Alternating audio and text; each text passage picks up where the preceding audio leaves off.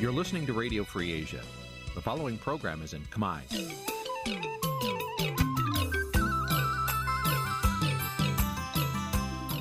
Nǐ chi càm bi tiệp xáy vệt chiu a zì sáy. នេះជាកម្មវិធីផ្សាយរបស់ Vithu Azisari ជាភាសាខ្មែរ វត្តឈូអាស៊ីសេរីសូមស្វាគមន៍លោកអ្នកនាងទាំងអស់ពីរដ្ឋធានី Washington នៃសហរដ្ឋអាមេរិក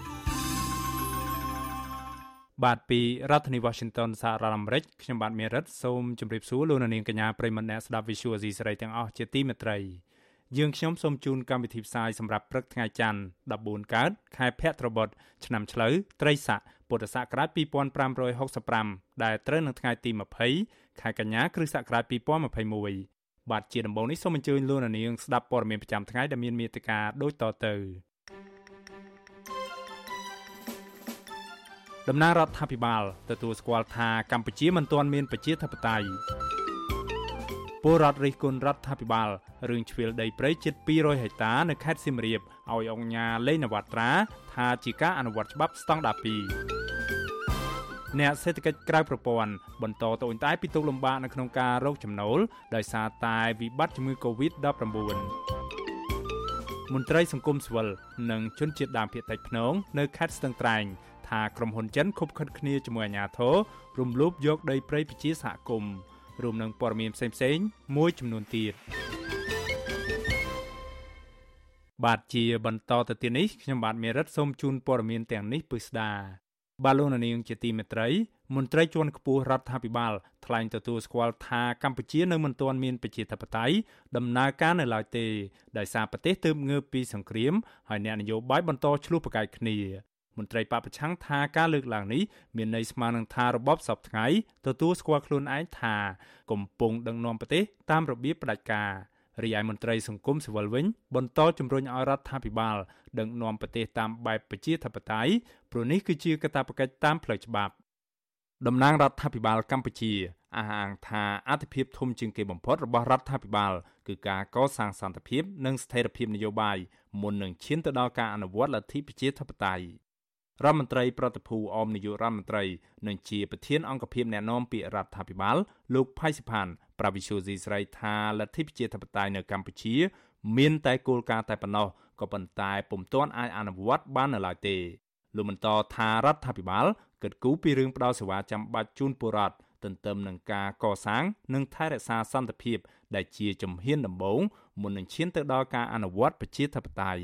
អ្នកនិយាយថាប្រជាធិបតេយ្យដើរថយក្រោយជួននឹងឈួត កម្ពុជាណាមានទាន់មានប្រជាធិបតេយ្យកម្ពុជាដែលរបបមួយធំគ្រាន់តែមានគោលការណ៍អនុវត្តប្រជាធិបតេយ្យក៏ប៉ុន្តែអ្វីដែលយើងអនុវត្តមុនគេបំផុតហ្នឹងគឺអំណាចប្រជាពលរដ្ឋគឺការកើតឡើងដោយប្រជាពលរដ្ឋបំរើប្រជាពលរដ្ឋអានឹងជាស្នូលការលើកឡើងរបស់លោកផៃសិផានីគឺជាការឆ្លើយតបទៅនឹងមតិរិះគន់ទាំងឡាយអំពីការធ្លាក់ចុះដុនដាបនៃលទ្ធិប្រជាធិបតេយ្យនៅកម្ពុជានារយៈពេលប្រមាណឆ្នាំចុងក្រោយនេះ មន្ត្រីជាន់ខ្ពស់រដ្ឋាភិបាលរូបនេះថ្លែងទៀតថាកម្ពុជាមិនទាន់អាចអនុវត្តលទ្ធិប្រជាធិបតេយ្យបានដូចនៅប្រទេសលោកខាងលិចនៅឡើយនោះទេពីព្រោះកម្ពុជាទើបតែឆ្លងផុតពីសង្គ្រាមស៊ីវិលនិងត្រូវការពេលវេលាបន្ថែមទៀតទោះជាយ៉ាងណាក៏ដោយអង្គការសង្គមស៊ីវិលនិងមន្ត្រីបពប្រឆាំងច្រានចោលការលើកឡើងទាំងនេះប្រធានសមាគមការពារសិទ្ធិមនុស្សអាត6 លោកនីសុខាយល់ថាការបកស្រាយរបស់តំណាងរដ្ឋាភិបាលនេះគ្មានន័យខ្លឹមសារនិងគ្រាន់តែជាលេសដោះសារតែប៉ុណ្ណោះលោកបញ្យល់ថាលទ្ធិប្រជាធិបតេយ្យចាប់ផ្ដើមចាក់ឫសគល់នៅកម្ពុជាតាំងពីឆ្នាំ1993មក ដែលគិតរហូតមកទល់ពេលនេះមានអាយុកាលជិត30ឆ្នាំមកហើយមន្ត្រីសិទ្ធិមនុស្សរូបនេះសង្កត់ធ្ងន់ថា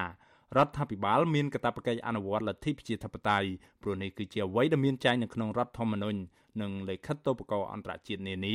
ដែលកម្ពុជាបានទទួលស្គាល់ រដ្ឋាភិបាលបានផ្ដល់សច្ចៈបាននៅក្នុងកតិកាសញ្ញាឬក៏អនុសញ្ញាផ្សេងៗទៅទាក់ទងនឹងសិទ្ធិមនុស្សនឹងច្រើនណាហើយក៏និយាយអំពីការគោរពគោលការណ៍ប្រជាធិបតេយ្យនៅក្នុងកិច្ចព្រមព្រៀងក្រុងប៉ារីនៅក្នុងរដ្ឋធម្មនុញ្ញនៅក្នុងអីទាំងអស់ដែរដូច្នេះយើងយកគោលការណ៍នឹងមកមើលមកហើយយើងអនុវត្តតាមគោលការណ៍នឹងទៅបាទយើងមានទាំងអស់ស្រាប់តា លោកនីសុខាថ្លែងបន្តទៀតថាគេមិនអាចជ្រើសរើសយកសន្តិភាពហើយបោះបង់ចោលលទ្ធិប្រជាធិបតេយ្យនោះទេពីព្រោះសន្តិភាពបែបនេះមិនមែនជាសន្តិភាពពិតប្រាកដនោះឡើយសន្តិភាពមិនក៏នៅមានអ្នករត់ប្រាស់ចាកចោលស្រុកចោលផ្ទះចោលសម្បែងបើយើងនិយាយសន្តិភាពមិនបានដោយសារតែយើងមិនដើរតាមគោលការណ៍ប្រជាធិបតេយ្យនឹងហើយបើសិនជាយើងរៀបចំឲ្យមានការបោះឆ្នោតត្រឹមត្រូវដើរតាមគោលការណ៍ប្រជាធិបតេយ្យគោរពសិទ្ធិមនុស្សឲ្យត្រឹមត្រូវខ្មែរនឹងរស់នៅក្នុងសុខដុមរមនារដ្ឋធម្មនុញ្ញ ចែងថាកម្ពុជាអនុវត្តនយោបាយប្រជាធិបតេយ្យសេរីភូប៉ានិងពលរដ្ឋជាម្ចាស់ជោគវាសនានៃប្រទេសជាតិរបស់ខ្លួនពលរដ្ឋប្រើអំណាចរបស់ខ្លួនតាមរយៈរដ្ឋសភាព្រឹទ្ធសភារាជរដ្ឋាភិបាលនិងតុលាការដែលមានអំណាចឯករាជ្យដាច់ចេញពីគ្នាទោះជាយ៉ាងនេះក្តីការអនុវត្តជាក់ស្ដែងគឺផ្ទុយស្រឡះទៅនឹងអ្វីដែលមានចែងនៅក្នុងរដ្ឋធម្មនុញ្ញកម្ពុជាពេលនេះគឺជារបបឯកបកដែលគ្រប់គ្រងដោយលោកហ៊ុនសែនជាប្រធានគណៈបកប្រជាជនកម្ពុជា ទាំងរដ្ឋាភិបាលរដ្ឋសភា និងស្ថាប័នតុលាការទំនងជាត្រូវស្ដាប់តាមការណែនាំឬការបង្គាប់បញ្ជារបស់លោកហ៊ុនសែនព្រោះថ្នាក់ដឹកនាំស្ថាប័នទាំងនេះសិតសឹងតែជាកូនចៅក្រមបង្គាប់របស់លោកនៅក្នុងជួរបកមន្ត្រីជាន់ខ្ពស់គណៈបកសង្គ្រោះជាតិលោកអ៊ុំសមានមើលឃើញថាក្រុមរបស់លោកហ៊ុនសែន បានបំផ្លាញពន្លកប្រជាធិបតេយ្យម្ដងហើយម្ដងទៀតតាមរយៈការធ្វើរដ្ឋប្រហារដណ្ដើមអំណាចនៅឆ្នាំ1997និងការរំលាយចោលគណៈបពប្រឆាំងនៅចុងឆ្នាំ2017លោករីគុណថាប្រជាធិបតេយ្យនៅកម្ពុជាបច្ចុប្បន្ននេះជាប្រជាធិបតេយ្យคล้ายៗដែលពោពេញទៅដោយការរំលោភបំពានសិទ្ធិមនុស្សនិងការគៀបសង្កត់សិទ្ធិសេរីភាពជាមូលដ្ឋានរបស់ពលរដ្ឋលោកអ៊ុំសំអាន បន្ថែមថាការលើកឡើងរបស់មន្ត្រីនាំពាក្យរបបក្រុងភ្នំពេញនៅពេលនេះ គឺជាការទទួលស្គាល់ថារបបដឹកនាំបច្ចុប្បន្នជារបបផ្ដាច់ការអ្វីដែលគាត់និយាយហ្នឹងគឺគាត់និយាយការដោះសារមិនឡូសិចព្រោះយើងបានសន្តិភាពជាង30ឆ្នាំហើយវាគួរតែយើងមានការគ្រប់គ្រងមនុស្សនិងប្រជាធិបតេយ្យនៅកម្ពុជាក៏ប៉ុន្តែដោយគណៈបកប្រជាជនចុះប្រជាប្រិយភាពគាត់មិនអាចដឹកនាំប្រទេសតាមគោលការណ៍ប្រជាធិបតេយ្យបានក៏មិនអាចឈ្នះឆ្នោតតាមរយៈការបោះឆ្នោតដោយសេរីនិងយុត្តិធម៌បានគាត់ត្រូវតែមានគណៈបកសង្គមជាតិហើយដឹកនាំតាមរបៀបផ្ដាច់ការ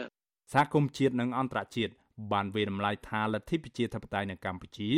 បានធ្លាក់ចុះដុនដាបយ៉ាងខ្លាំងបន្ទាប់ពីរបបលោកហ៊ុនសែនបានរំលាយគណៈបកសង្គ្រោះជាតិកាលពីចុងឆ្នាំ2017និងបើកយុទ្ធនាការបង្ក្រាបទ្រង់ទ្រាយធំលើស្ថាប័នសារព័ត៌មានឯករាជ្យអង្គការសង្គមស៊ីវិលសហជីពនិងក្រុមអ្នករិះគន់ជិត4ឆ្នាំមកនេះស្ថានភាពធ្លាក់ចុះដុនដាបទាំងនេះនៅមិនទាន់វិវត្តទៅរកភាពប្រសើរឡើងវិញនៅឡើយទេ ស្របពេលអាញាធរនៅតែបន្តបង្ក្រាបឥតឈប់ឈរទៅលើសម្លេងរិះគន់និងសម្លេងឯករាជ្យថ្មីថ្មីនេះទៀតសោតលោកនាយរដ្ឋមន្ត្រីហ៊ុនសែនបានប្រកាសជាសាធារណៈថារបបរបស់លោកអាចធ្វើអ្វីក៏បានដែរបើយល់ថាចាំបាច់រាប់ចាប់តាំងពីរឿងឆ្លប់យកការការបង្កើតច្បាប់ការកែប្រែរដ្ឋធម្មនុញ្ញរហូតដល់ការចាប់ខ្លួននិងបាញ់សម្លាប់ពលរដ្ឋដែលមានទស្សនៈនយោបាយផ្ទុយពីលោក អ្នកតាមដានស្ថានភាពវាតម្លៃថាចំណុចទាំងអស់នេះស្ដែងឲ្យឃើញនូវភាពផ្ដាច់ការកាន់តែខ្លាំងឡើងរបស់លោកហ៊ុនសែនដែលហ៊ានប្រព្រឹត្តអំពើខុសច្បាប់និងរំលោភសិទ្ធិមនុស្សធ្ងន់ធ្ងរដើម្បីរក្សាអំណាចតវងត្រកូលរបស់គាត់អតីតតំណាងរាជបពប្រឆាំងលោកអ៊ុំសំអានគូបញ្ជាក់ថាការប្រែធៀបប្រទេសពីលទ្ធិប្រជាធិបតេយ្យឆ្ពោះទៅរកលទ្ធិផ្ដាច់ការពីសំណាក់ក្រុមលោកហ៊ុនសែននេះកំពុងតែនាំមកនូវផលវិបាកធ្ងន់ធ្ងរដល់ប្រទេសជាតិ ផលវិបាកទាំងនោះមានជាអាចដូចជាអំពើពុករលួយជាប្រព័ន្ធអយុត្តិធម៌សង្គមនិងការដាក់ទណ្ឌកម្មពីសហគមន៍អន្តរជាតិជាដើម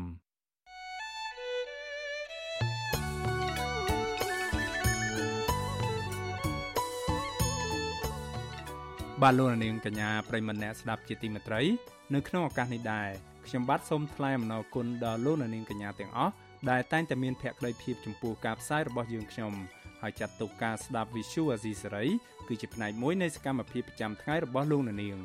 ការគ្រប់គ្រងរបស់លោកអ្នកនាងនេះហើយដែលធ្វើឲ្យយើងខ្ញុំមានទឹកចិត្តកាន់តែខ្លាំងថែមទៀតនៅក្នុងការស្វែងរកនិងផ្តល់ព័ត៌មានពិតជូនលោកអ្នកនាងមានអ្នកស្ដាប់និងអ្នកទស្សនាកាន់តែច្រើនកាន់តែធ្វើឲ្យយើងខ្ញុំមានភាពស្វាហាប់និងមោះមុតជាបន្តទៅទៀតបាទយើងខ្ញុំសូមអរគុណទុកជាមុនហើយសូមអញ្ជើញលោកអ្នកនាងកញ្ញាចូលរួមជំរុញឲ្យសកម្មភាពផ្តល់ព័ត៌មានពិតរបស់យើងខ្ញុំនេះ កាន់តែជោគជ័យបន្ថែមទៀត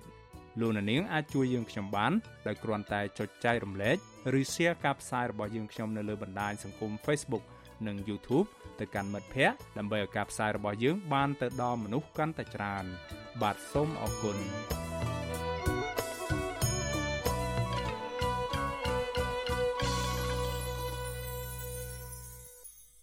បាទលោកនាងជាទីមេត្រីលោកនាងកំពុងស្ដាប់កម្មវិធីផ្សាយរបស់ Visual C ស្រីផ្សាយចេញពីរដ្ឋធានី Washington សហរដ្ឋអាមេរិកបានងាកមកពិនិត្យមើលសំណុំរឿងដែលរដ្ឋាភិបាលបានកាត់ជ្រៀលដីព្រៃជិត200ហិកតានៅខេត្តសៀមរាបទៅឲ្យអង្គការលេងនវត្រាវិញម្ដង បាទប្រជាពលរដ្ឋនៅស្រុកបន្ទាយស្រីនៅខេត្តសៀមរាបរិះគន់រដ្ឋាភិបាល ដែលបានជ្រៀលដីគម្របព្រៃជិត200ហិកតានៅក្នុងខេត្តនេះឲ្យទៅអង្គការលេងនវត្រា ថាគឺជារឿងអយុត្តិធម៌និងជាការអនុវត្តច្បាប់ស្តង់ដារ2ប្រតិកម្មរបស់ពលរដ្ឋនេះធ្វើឡើងក្រោយពេលប្រមុខរដ្ឋាភិបាល បានចេញអនុក្រឹត្យកាត់ជ្រៀលដីនៅតំបន់នោះឲ្យអង្គការលេនវត្រាហើយអង្គការរូនេះបានអង្កត់ដីទាំងនោះទៅជាដីឡូពុះលក់ជ្រៀកឲ្យប្រជាពលរដ្ឋធ្វើជាកម្មសិទ្ធិឯកជន បាទលោកជីវតារីកាព័រមេនីប្រជាពលរដ្ឋរស់នៅខេត្តសៀមរាបពោលថាពលរដ្ឋប្រមាណ1000គ្រួសារបានកាន់កាប់ដីនៅតំបន់បន្ទាយស្រីនោះប្រមាណ20ឆ្នាំហើយប៉ុន្តែពួកគាត់គ្មានសិទ្ធិលក់ដូរដោយអុកញ៉ាលេងណាវត្រានោះទេ អ្នកស្រុកស្វាយជែកលោកព្រំសុព្រឹកប្រាប់វិទ្យុអាស៊ីសេរីនៅព្រឹកថ្ងៃទី19កញ្ញាថាលោកនិងប្រជាពលរដ្ឋជាច្រើនគ្រួសារទៀត បានកាន់កាប់ដីគម្របព្រៃឈើនៅឃុំខ្នាសណ្ដាយស្រុកបន្ទាយស្រី តាំងពីឆ្នាំ2001រហូតមក លោកបន្តថាពួកលោកធ្លាប់ស្នើទៅអាជ្ញាធរខេត្តសុំធ្វើបានកម្មសិទ្ធិស្របច្បាប់ជាច្រើនលើកច្រើនសារមកហើយប៉ុន្តែមិនទទួលបានលទ្ធផលនោះទេ លោកបញ្ជាក់ថាការដែលអាជ្ញាធរមិនចេញបានស្របច្បាប់ដល់ប្រជាពលរដ្ឋនេះបានប៉ះពាល់យ៉ាងខ្លាំងដល់ជីវភាពរស់នៅរបស់ពួកគាត់ ព្រោះពួកគាត់ដាំដុះដោយភ័យខ្លាច និងមិនអាចលក់ដូរយកប្រាក់ដោះស្រាយជីវភាព គ្រួសារបានឡើយ។យើងមិនសប្បាយចិត្តហើយវាអយុត្តិធម៌សម្រាប់ជាពលរដ្ឋដាច់ខាតកន្លែងហ្នឹងយើងមិនគ្រប់គ្រងបើសិនបើអត់ ឥឡូវយើងឲ្យអត់ទាំងអស់ទៅมันអាចក្រុមហ៊ុនណាអាចទិញលក់ដូរបានទេអញ្ចឹងដល់ប្រជាពលរដ្ឋมันអាចលក់ដូរបានដល់ក្រុមហ៊ុនលេងនិវត្តត្រាគេអាចលក់ដូរបាននៅតំបន់ហ្នឹងខ្ញុំមានមន្ទិលសង្ស័យមួយទៀតថាដីនៅតំបន់ហ្នឹងវាដីដែលមានហាងឆេងមានក្រុមហ៊ុនវិនិយោគគេចង់បានអញ្ចឹងណារយៈកាលកន្លងមកយើងអាចទិញលក់ដូរបានដល់ឆ្នាំ2020រហូតដល់ឥឡូវនេះយើងមិនអាចលក់ដូរបានស្រដៀងគ្នានេះដែរ ប្រជាពលរដ្ឋរស់នៅស្រុកបន្ទាយស្រីម្នាក់ទៀតគឺលោកលងសុផុនថ្លែងថា លោកនិងប្រជាពលរដ្ឋរស់នៅឃុំស្នាសណ្ដាយភៀកច្រើន មានជីវភាពក្រីក្រ ហើយចង់លក់ដីនៅតំបន់នោះខ្លះដើម្បីយកប្រាក់ដោះស្រាយជីវភាពគ្រួសារក្នុងគ្រាអាសន្ននេះលោកបន្តថាអញ្ញាធរធ្វើបែបនេះជាការអនុវត្តច្បាប់ស្តង់ដារ2ពីព្រោះអាជ្ញាធរបានកាត់ជ្រៀលដីគម្របព្រៃឈើនៅតំបន់នោះឲ្យអុកញ៉ាលេងណាវត្រា យកទៅធ្វើអាជីវកម្មលើដីនោះដោយសេរីដល់ចោលវាពិបាកដែរណាបងប្អូនត្រូវការលក់ទៅក៏លក់ទៅទៅជប់ក្រោបព្រៃឈើទាំងអស់នោះអញតែឡាគេខ្វៀលក្រោបបានគេធ្វើអយមកនេះគេធ្វើខ្វៀលអយដល់ពេលណាចង់អយតបើកអយជាបុរិតមានស្រីភាពណាការលក់ដូរទិញ ជីបោះឆ្នោតបោះអុយទៀតផងដល់មកបិទចេះទៅវាស្ទះទៅទាំងអស់នេះបាទវាពិបាកណាដល់ចេះពិបាកត្រង់ថាឥឡូវវាមានរូអីបានទៅវាត្រូវការចង់លក់ចង់ដូរតាបន្តិចទៅលក់គឺសមុទ្រវាមិនចេញណាវាអត់ធានាអត់ប្រតិកម្មរបស់ប្រជាពលរដ្ឋនេះធ្វើឡើងក្រោយពេលលោកនាយករដ្ឋមន្ត្រីហ៊ុនសែនបានចេញអនុក្រឹត្យកាត់ជ្រៀលដីគម្របព្រៃឈើជាង172ហិកតា នៅភូមិរំជែកឃុំរំជែកនិងភូមិខ្នា ឃុំខ្នាសណ្ដាយស្រុកបន្ទាយមានជ័យឲ្យទៅអុកញ៉ាលេងណាវត្រា កាលពីថ្ងៃទី23កក្កដាឆ្នាំ2021ប្រជាពលរដ្ឋឲ្យដឹងថាបច្ចុប្បន្នដីទាំងនោះត្រូវបានអុកញ៉ារូបនេះអង្គកន់ជាដីឡូលក់ឲ្យប្រជាពលរដ្ឋធ្វើជាកម្មសិទ្ធិឯកជនអស់ហើយអាស៊ីសេរីមិនអាចតាក់ទងអុកញ៉ាលេងណាវត្រាដើម្បីឆ្លើយតបជុំវិញការលើកឡើងរបស់ប្រជាពលរដ្ឋនេះបានទេនៅថ្ងៃទី19កញ្ញា ចំណែកអភិបាលខេត្តសៀមរាបលោកទាសីហាក៏មិនអាចតាក់ទងសូមអត្ថាធិប្បាយបានដែរប៉ុន្តែអ្នកនាំពាក្យសាលាខេត្តសៀមរាបលោកលីសំរិទ្ធបានប្រាប់សារព័ត៌មានថ្មីថ្មីថារដ្ឋបាលខេត្តបានទទួលអនុក្រឹត្យពីការកាត់ជ្រៀលដីគម្របព្រៃឈើនោះ ពីអុកញ៉ាលេងនវត្រាហើយលោកបន្តអះអាងថា ដីនោះជាដីគម្របព្រៃឈើឆ្នាំ2002ប៉ុន្តែសប្តាហ៍ថ្ងៃពុំមានព្រៃឈើនោះទេ ហើយដីមួយចំនួនប្រជាពលរដ្ឋបានធ្វើស្រែនិងដាំដុះផលដំណាំ និងខ្លះទៀតពួកគាត់បានលក់អស់ហើយការទទួលបានដីរដ្ឋជិត200ហិកតានៅពេលនេះគឺបន្ទាប់ពីអុកញ៉ាលេងនវត្រាបានឧបត្ថម្ភប្រាក់ជាច្រើនលើកខ្ទង់ម៉ឺនរហូតដល់លានដុល្លារដល់រដ្ឋាភិបាលកម្ពុជា ក្នុងការចូលរួមចំណែកទប់ស្កាត់ជំងឺ Covid-19 ទោះជាយ៉ាងណា អ្នកឃ្លាំមើលបញ្ហាសង្គមយល់ថាការផ្ដល់ប្រាក់ដ៏សន្ធឹកសន្ធាប់បែបនេះ គឺក្នុងបំណងចង់បានផលតបស្នងពីរដ្ឋាភិបាលវិញ ជាជាងជំនួយមនុស្សធម៌ដើម្បីផលប្រយោជន៍ជាតិក្រៅពីអុកញ៉ាលេណាវ៉ាត្រាក៏មានអុកញ៉ាមួយចំនួនទៀតបានបរិច្ចាគប្រាក់ជួយដល់រដ្ឋាភិបាលលោកហ៊ុនសែនដែរហើយពួកគេក៏កំពុងទទួលបានផលប្រយោជន៍មកវិញជាបន្តបន្ទាប់ក្នុងនោះមានដូចជាអុកញ៉ាពងខៀវសែដែលកំពុងច្បាមយកដីប្រជាពលរដ្ឋនៅស្រុកកណ្ដាលស្ទឹងខេត្តកណ្ដាលដើម្បីសាងសង់ប្រលានយន្តហោះថ្មី និងអុកញ៉ាខុនសៀដែលកំពុងលុបទន្លេមេគង្គនិងកោះចាប់ពីចំណុចឃុំអរិយខ្សាត់រហូតដល់លវាអែមនិងស្រុកគៀនស្វាយខេត្តកណ្ដាលជុំវិញរឿងនេះមន្ត្រីពង្រឹងសិទ្ធិអំណាចសហគមន៍មូលដ្ឋាននៃសមាគមការពារសិទ្ធិមនុស្សអាត6លោកប៉ែនប៊ុនណា មានប្រសាសន៍ថាការដែលរដ្ឋាភិបាលចេញអនុក្រឹត្យកាត់ជ្រៀលដីឲ្យអុកញ៉ានេះជារឿងអយុត្តិធម៌និងជាការអនុវត្តច្បាប់ស្តង់ដារ2បើប្រៀបធៀបជាមួយពលរដ្ឋក្រីក្រ លោកបញ្ជាក់ថាដីគម្របព្រៃឈើរដ្ឋាភិបាលអាចធ្វើអនុប្រយោគឲ្យប្រជាពលរដ្ឋក្រីក្រ ដើម្បីកាន់កាប់ស្របច្បាប់ឬឲ្យក្រុមហ៊ុនឯកជន ដើម្បីយកទៅអភិវឌ្ឍបានប៉ុន្តែក្រុមហ៊ុនមិនអាចយកទៅលក់ឲ្យប្រជាពលរដ្ឋធ្វើជាសម្បត្តិឯកជនបែបនេះឡើយ។ យើងឃើញថានៅក្នុងសង្គមយើងមិនមែនមានករណីតែមួយហ្នឹងទេករណីច្រើនដែលវាបង្ហាញពីការប្រើប្រាស់ធនធានធម្មជាតិការផ្ដល់កម្មសិទ្ធិឲ្យប្រជាពលរដ្ឋទាំងអស់នៅមានការរើសអើងប្រជាពលរដ្ឋយើងសបាញ់អីអីហ្នឹងទៅមិនងាយទេក៏ប៉ុន្តែបើសិនជាជាមន្ត្រីជាន់ខ្ពស់ជាអញ្ញាជាស្អីស្អីហ្នឹងគឺងាយនឹងទទួលបានណាហើយខ្លះទទួលបានដោយស្របច្បាប់ដោយអនុក្រឹត្យអនុប្រយោគហ្នឹងហើយខ្លះហ្នឹងគឺចាំបាច់ប្រាប់ទៅយុរដ្ឋមន្ត្រីទេចូលទៅកាប់យកកាប់អីតាមចិត្តខ្លួនឯងហ្មងនៅមានច្រើន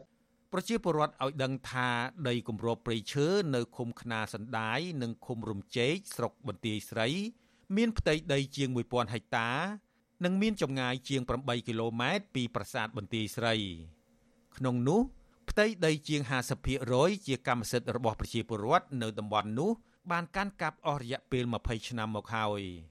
ពួកគាត់ស្នើសុំឲ្យរដ្ឋាភិបាលកាត់ជ្រៀលដីទាំងនោះជូនដល់ពួកគាត់ប្រើប្រាស់ដោយស្របច្បាប់ ដើម្បីដាំដុះដោយមិនមានការភ័យខ្លាចនិងលក់ដូរខ្លះយកប្រាក់ដោះស្រាយជីវភាពគ្រួសារខ្ញុំជីវិតាអាស៊ីសេរី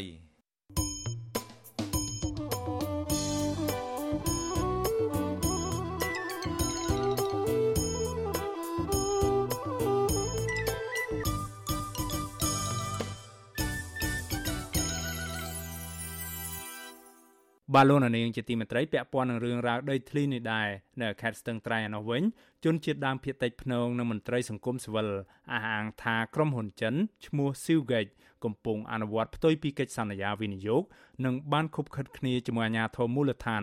បោះបង្គោលព្រំប្រទល់ចូលដីប្រជាសហគមន៍អ្នកភូមិថាពួកគេតែងតែលើកគ្នាតវ៉ានិងដាក់ញត្តិទៅកាន់អាជ្ញាធរខេត្តស្ទឹងត្រែងជាបន្តបន្ទាប់ដើម្បីអន្តរាគមន៍ជាច្រើនលើកច្រើនសារមកហើយ ក៏ប៉ុន្តែពួកគេមិនទាន់ទទួលបានការឆ្លើយតបណាមួយនិងមានដំណោះស្រាយពីអាជ្ញាធរនៅឡើយទេបាទអ្នកស្រីសុជីវីរីកាព័រមីននេះពីរដ្ឋធានី Washington ជនជាដើមភៀតតិចភ្នង53គ្រួសាររស់នៅឃុំក្បាលរមៀសស្រុកសេសានខេត្តស្ទឹងត្រែងចោតក្រុមហ៊ុនចិន Silgate Investment ថាបានបោះបង្គោលព្រំប្រទល់ចូលដីរបស់ជនជាដើមភៀតតិចភ្នងចំកណ្ដាលភូមិក្បែរសសរផ្ទះពលរដ្ឋនិងបំពេញចូលដីស្រែរបស់សហគមន៍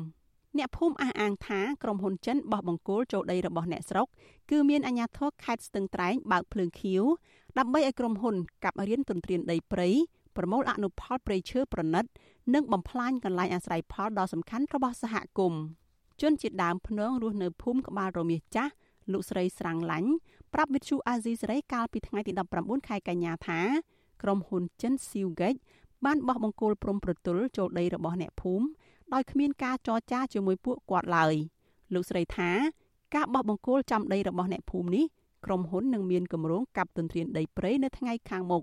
លោកស្រីបារម្ភថាជនជាតិដើមភាគតិចភ្នងនឹងប្រឈមបាត់បង់អត្តសញ្ញាណភូមិកំណើតវប្បធម៌ប្រពៃណីព្រៃអារក្សព្រោះក្រុមហ៊ុនចិនបានឈូសឆាយព្រៃឈើស្ទើរតែទាំងស្រុងរួចទៅហើយបើយើងមិនជួយការពារបើយើងមិនជួយទប់ស្ស្កាត់បើយើងមិនស្នើសុំចុះ បញ្ជីដីជាសមូហភាពសម្រាប់ជនជាតិដើមភាគតិចតែហេលជានតិចទៀតទៅមកទៀតនឹងបាត់បង់ដីឃ្លីបាត់បង់កាយអត្តសញ្ញាណរបស់ជនជាតិដើមភាគតិចយើងហើយដល់នឹងរឿងនឹងហើយបានបានស្នើសុំយូរហើយប៉ុន្តែពួកគាត់មិនដំណើរការធ្វើរឿងរឿងដែលការរបស់សហគមន៍ស្នើសុំនឹងតំណាងពលរដ្ឋរូបនេះអះអាងថាវត្តមានរបស់ក្រុមហ៊ុនចិន Seagate បានឈូសឆាយដីព្រៃសហគមន៍និងកាប់ឈើប្រណិតនាំចេញទៅខាងក្រៅជាបន្តបន្ទាប់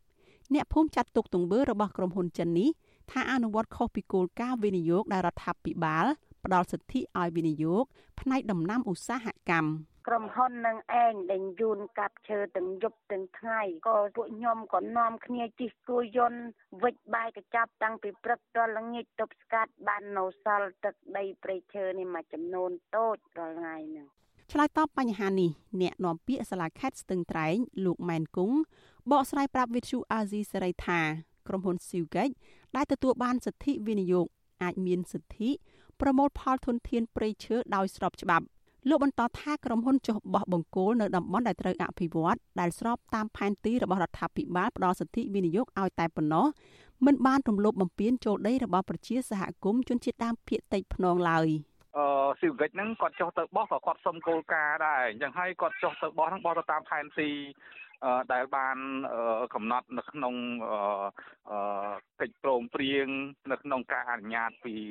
ក្រសួងស្ថាប័នមានសមត្ថកិច្ចហ្នឹងទេក្រុមហ៊ុនដែលគេមានសិទ្ធិត្រឹមត្រូវហើយមានផែនទីច្បាស់លាស់ហើយជាធម្មតាដីសម្បត្តិសេដ្ឋកិច្ចវាមានការប្រមូលផលអនុផលព្រៃឈើដែលស្របច្បាប់ហើយនឹងមានការ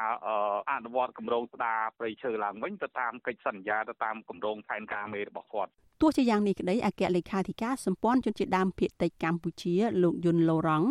សង្កេតឃើញថាដំណើរការវិនិយោគរបស់ក្រុមហ៊ុន ក្នុងការដាំដំណាំកៅស៊ូមិនមានការលូតលាស់ល្អនិងទទួលបានទិន្នផលច្រើនឡើយប៉ុន្តែជាក់ស្ដែងក្រុមហ៊ុនតែងតែលួចកាប់ឈើប្រណិតឈូសឆាយដីព្រៃទុកដីឲ្យនៅទំនេរដោយពុំមានការអភិវឌ្ឍអ្វីទាំងអស់លោកបន្ថែមថាសហគមន៍ជនជាតិដើមភាគតិចស្នើចុះបញ្ជីដីសមូហភាពទំហំ7000ហិកតា ដើម្បីអភិរក្សជំរកសត្វព្រៃជីវៈចម្រុះ និងព្រៃអភិរក្សរបស់អ្នកភូមិតែប៉ុណ្ណោះបើសិនជាការដល់សម្បទានវាគួរតែមានការអនុវត្តដោយគោរពទឹកក៏ដូចជាអនុវត្តនៅច្បាប់ដែលមានចែងអំពីជនជាតិដើមភាគតិចនៅតំបន់ក្រៅតែពីការដាំកស៊ូដោយអត់មានការលូតលាស់ល្អទេហើយនឹងមានតែការឈូសឆាយដីចោលហើយអ្វីដែលពិសេសនោះគឺតកតងនឹងការកាប់ឈើពលសហគមន៍គាត់បានឃើញផ្ទាល់តកតងនឹងការបង្កើតនៅទីតាំងរោងចក្រដែលធ្វើការកាប់ឈើនៅចិត្តនឹងព្រំបន្ទល់ដីព្រៃដែលសហគមន៍គាត់បានការពារជាមួយគ្នានេះដែរអ្នកសម្របសម្រួលសមាគមអាត6នៅក្នុងខេត្តស្ទឹងត្រែងលោកប៊ីវ៉ានីជំរុញឲ្យអាជ្ញាធរនិងមន្ត្រីពាក់ព័ន្ធជួបពិភាក្សាជាមួយនឹងជនជាតិដើមភាគតិចភ្នងដើម្បីរកដំណោះស្រាយប្រកបដោយតម្លាភាពលោកបន្តថាក្រុមហ៊ុនបោះបង្គោលចូលដីរបស់អ្នកភូមិបង្ហាញពីការរំលោភសិទ្ធិជនជាតិដើមភាគតិចដែលធ្វើឲ្យពួកគាត់រស់នៅទាំងក្តីបារម្ភ ខ្លាចបាត់បង់អត្តសញ្ញាណភូមិកំណើត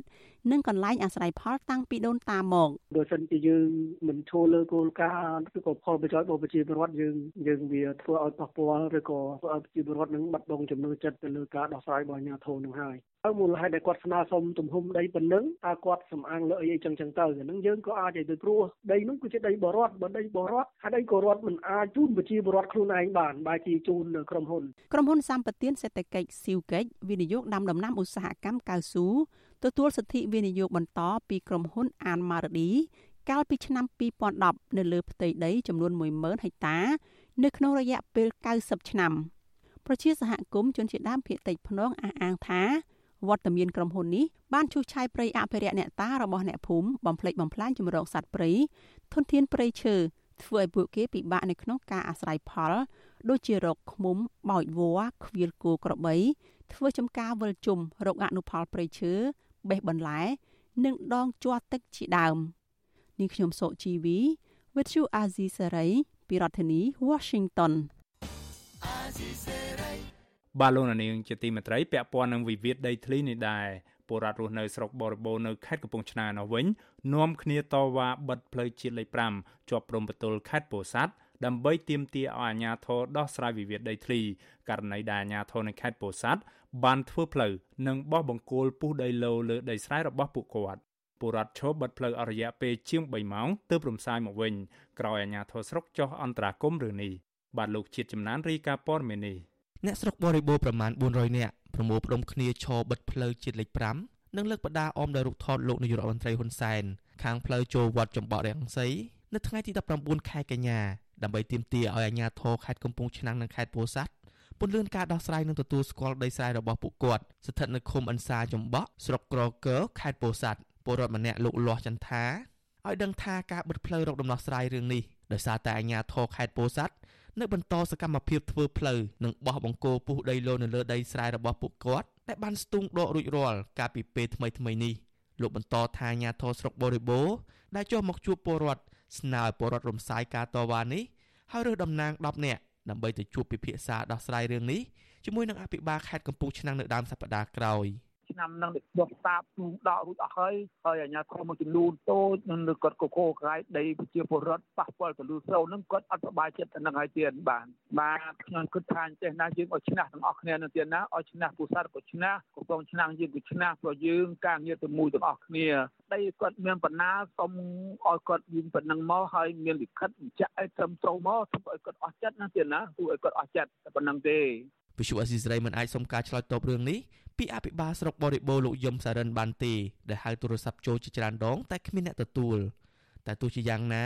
លោកធ្លាប់ប្រាប់វិសុអេស៊ីសរ៉ៃថាប្រវត្តិនៃដីចំនួននោះគឺអ្នកស្រុកបរិបូរពិតជាធ្លាប់ធ្វើស្រែអាស្រ័យផលនៅលើដីនោះតាំងពីយូរមកហើយមែនអភិបាលស្រុករូបនេះធ្លាប់បញ្ជាក់ថាដំណោះស្រាយបន្ទាប់គឺខាងស្រុកបានដាក់សំណើទៅខាងអាជ្ញាធរខេត្តកំពង់ឆ្នាំងដើម្បីស្នើសុំជួយអន្តរាគមន៍រកដំណោះស្រាយ។ តើតើនឹងរឿងនេះអ្នកសម្របសម្រួលសមាគមអាត6ខេត្តកំពង់ឆ្នាំងលោកសំច័ន្ទគាសង្កេតឃើញថាដីនោះមានវិវាទច្រើនឆ្នាំមកហើយនឹងបានប៉ះពាល់ដល់ប្រជាពលរដ្ឋជាង300គ្រួសារដែលខកខានចូលទៅបង្កបង្កើនផលលោកសោកស្ដាយចំពោះអាញាធរខេត្តពោធិ៍សាត់ដែលបានបង្ហាញឆន្ទៈដោះស្រាយវិវាទដីនេះច្រើនឆ្នាំមកហើយតែដោះស្រាយមិនចេញលោកសង្ស័យថាមន្ត្រីថ្នាក់មូលដ្ឋានរាយការណ៍ពុតផលទៅថ្នាក់លើឬមានភាពមិនប្រក្រតីអ្វីមួយ ទៅបណ្ដាលឲ្យអាញាធរថ្នាក់ខេត្តមិនអាចដោះស្រាយបាន។មន្ត្រីសង្គមស៊ីវិលរូបនេះយល់ថាអាញាធរខេត្តទាំងពីរគួរតែស្រោះស្រួលគ្នាបង្កើតគណៈកម្មការរួមមួយដើម្បីដោះស្រាយវិវាទដីនៅតំបន់នេះទើបអាចដោះស្រាយបញ្ចប់បានយើងមើលឃើញថាអាជ្ញាធរខេត្តហ្នឹងអត់បានសាររឿងហ្នឹងទេគឺធ្វើទៅតាមតែការញុះញង់របស់អាជ្ញាធរថ្នាក់ក្រោមហ្នឹងការរាយការណ៍គោកុហកពីថ្នាក់ខាងក្រោមហ្នឹងបានជាធ្វើឲ្យរឿងហ្នឹងដោះមិនចេញឬមួយរឿងហ្នឹងអស់បន្លាយចឹងបាទ ដីដែលមានចំនួនទំហំជាង1000ហិកតា គឺស្ថិតនៅក្នុងភូមិក្បាលដំរីឃុំអន្សាចំបក់ស្រុកក្រកើខេត្តពោធិ៍សាត់ជាប់នឹងព្រំប្រទល់ស្រុកបរិបូរខេត្តកំពង់ឆ្នាំងអ្នកស្រុកបរិបូរអះអាងថាពលរដ្ឋជាង300គ្រួសារធ្លាប់អាស្រ័យផលលើស្រែនោះតពីឪពុកម្ដាយរបស់ពួកគាត់ច្រើនឆ្នាំមកហើយក្រោយពីអាជ្ញាធរតម្រូវឲ្យពួកគាត់ដូរទៅទីតាំងខេត្តកំពង់ឆ្នាំងវិញពលរដ្ឋអះអាងថាដើមហេតុនៃវិវាទនេះគឺបណ្ដាលមកពីរដ្ឋាភិបាល បានកាត់ជ្រៀលដីស្រែរបស់ពួកគេទៅឲ្យក្រុមហ៊ុនចិនអភិវឌ្ឍក្រោយពីពលរដ្ឋចេញតវ៉ានិងដាក់ញត្តិអស់ច្រើនឆ្នាំទើបខាងក្រុមហ៊ុនចិនបានដកចេញទៅវិញតែក្រោយមកអាជ្ញាធរខេត្តពោធិ៍សាត់បានកាត់ដីនោះទៅឲ្យពលរដ្ឋរស់នៅក្នុងស្រុកក្រកើជាអ្នកអាស្រ័យផលវិញពលរដ្ឋខេត្តកំពង់ឆ្នាំងស្នើទៅអាជ្ញាធរខេត្តទាំងពីរចុះពន្លឿនដោះស្រាយវិវាទនេះជូនពលរដ្ឋឲ្យបានឆាប់ព្រោះពួកគាត់អាចធ្វើស្រែបង្កបង្កើនផលលើដីនោះបានតែមួយដងគត់ក្នុងមួយឆ្នាំខ្ញុំបានជាចំណាន Visual Assisray ពីរដ្ឋធានី Washington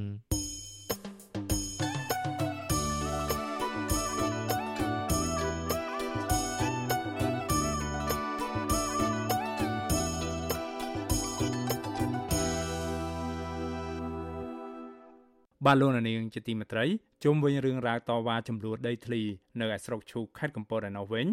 ពលរដ្ឋដែលរងរបួសនៅក្នុងពេលតវ៉ាចំនួនដីធ្លីនៅភូមិព្រៃពីឃុំតាពាំងភ្លៀងនៃស្រុកឈូកស្នើសុំអាជ្ញាធរខេត្តកំពតឲ្យជួយរកដំណោះស្រាយនិងយុត្តិធម៌ឲ្យពួកគាត់មន្ត្រីសង្គមស៊ីវិលជំរុញឲ្យអាជ្ញាធរដោះស្រាយបញ្ចប់វិវាទដីធ្លីទើបអាចបញ្ចប់ចំនួនរវាងអ្នកភូមិជាមួយក្រុមឈ្មួញបានអ្នកភូមិព្រៃពីខ្លះ ចាប់ផ្ដើមរអានៅក្នុងការចេញតវ៉ាជាមួយឈ្មួញហើយក្រោយពេលក្រុមបកពួករបស់ឈ្មួញដីចាប់វាយធ្វើបាបអ្នកភូមិយ៉ាងចាស់ដៃកាលពីពេលថ្មីថ្មីនេះអ្នកភូមិព្រៃពីម្នាក់គឺលោកស្រីង៉ែតយឿនឲ្យដឹងកាលពីថ្ងៃទី13ខែកញ្ញាថាអ្នកភូមិជិត40គ្រួសារបាននាំគ្នាចេញតវ៉ាទាមទារឲ្យកម្មកររបស់ឈ្មួញដីម្នាក់ដែលអ្នកភូមិស្គាល់ថាជាអញ្ញាឈ្មោះប៉ែនួន ឲ្យបញ្ឈប់ការឈូសឆាយដីចម្ការរបស់អ្នកភូមិហើយស្នើសុំឲ្យយកគ្រឿងចាក់ចេញពីតំបន់មានចំនួនស្ត្រីវ័យ50ឆ្នាំរូបនេះបញ្ជាក់ថាក្រោយពេលអ្នកភូមិតវ៉ាបានបន្តិចស្រាប់តែមានមនុស្សប្រុសមួយក្រុមដោយអ្នកខ្លះមានកាន់ដំបងនៅក្នុងដៃផង បានស្ទុះមកចាប់វាយក្រុមអ្នកតវ៉ានៅពេលប៉ះទង្គិចគ្នានោះលោកស្រីង៉ែតយឿនភ័យខ្លាចហើយមិនដឹងរត់ទៅទីណាលោកស្រីក៏បានស្រវាឡើងលើគ្រឿងចាក់ដើម្បីស្រែកទាមទារឲ្យបញ្ឈប់ការរំលោភបំពានយកដីអ្នកភូមិទៀត ខ្ញុំមិនឃើញថាបើសិនជានៅបតាយបតាគ្នាគេរុញទៅរុញមកអញ្ចឹងប្រហែលជាយើងមិនចេះគេទេគេគ្នាច្រើនខ្ញុំមិនឃើញអញ្ចឹងខ្ញុំមានរត់ទៅទុំលើដែរអីចឹងហើយកុំឲ្យគេបើកាយខ្ញុំវាគិតអីអត់ឃើញមួយឯងគិតអីអត់ឃើញហ្មងដល់ហ្នឹងខ្ញុំមិនឃើញមានអត់តោអញ្ចឹងហើយដល់ពេលរួចមកមកដេកភ័យខ្លួនឯងមិនឃើញថាបើសិនជាខ្ញុំតោអញ្ចឹងមើលគេកាយគេបោកខ្ញុំស្លាប់ហើយមើលទៅលោកស្រីបន្តថាអ្នកភូមិព្រៃពាយជាច្រើនអ្នកបានរងរបួសនៅក្នុងពេលប៉ះទង្គិចគ្នានោះក៏ប៉ុន្តែអ្នកភូមិ2នាក់រងរបួសធ្ងន់ គឺឈ្មោះអឿនសុកនៅនិងម្នាក់ទៀតគឺជាប្តីរបស់លោកស្រីឈ្មោះលឹមរំអ្នកភូមិបានបញ្ជូនបរិះទាំងពីរនាក់ទៅព្យាបាលនៅមន្ទីរពេទ្យឯកជននៅក្នុងស្រុកឈូកក៏ប៉ុន្តែដោយសារខាងគ្រួសារគ្មានលទ្ធភាពបង់ថ្លៃសេវាព្យាបាលទើបពួកគាត់បានស្នើសុំបញ្ជូនទៅមន្ទីរពេទ្យបង្អែកខេត្តកំពតវិញបច្ចុប្បន្នលោកអឿនសុកនៅត្រូវបានក្រុមគ្រួសារយកទៅសម្រាកនៅផ្ទះវិញហើយព្រោះគ្មានលទ្ធភាពបង់ថ្លៃសេវាព្យាបាលនៅមន្ទីរពេទ្យបន្តទៀតនោះទេរីឯលោកស្រីង៉ែតយឿន ក៏ត្រៀមសុំគ្រូពេទ្យឲ្យប្តីលោកស្រីឈ្មោះលឹមរំចេញពីមន្ទីរពេទ្យដែរព្រោះលោកស្រីគ្មានលទ្ធភាពបង់ថ្លៃព្យាបាលនោះទេវិសុយស៊ីស្រីមិនទាន់អាចតាក់ទងសុំការឆ្លើយតបពីខាងភៀកគីលោកប៉ែននួនដែលអ្នកភូមិអះអាងថាគឺជាគូចំនួននៅក្នុងករណីនេះទេវិសុយស៊ីស្រីក៏មិនអាចសុំការបញ្ជាក់ពីមេឃុំតពាំងភ្លៀងលោកថាវណ្ណារ៉េត និងអ្នកនាំពាក្យសាលាខេត្តកំពតលោកភូលិនិងលោកវត្តវឌ្ឍនាបាននៅឡើយទេនៅថ្ងៃទី19ខែកញ្ញាចំណែកស្នងការរងនគរបាលខេត្តកំពតទទួលបន្ទុកផ្នែកព្រំប្រទានលោកលតញ៉ាវប្រាប់វិសុវស៊ីស្រីយ៉ាងខ្លីថា ខាងនគរបាលក៏នៅមិនទាន់ទទួលបានពាក្យបណ្ដឹងនៅក្នុងករណីនេះទេជុំវិញករណីនេះពលរដ្ឋរងរបួសដដែលគឺលោកស្រីង៉ែតយឿន ឲ្យដឹងថាអ្នកភូមិនៅមិនទាន់ដាក់ពាក្យប្តឹងទៅនគរបាលនោះទេពីព្រោះពួកគាត់ភ័យច្រើន គឺជាកសិករមិនចេះអក្សរ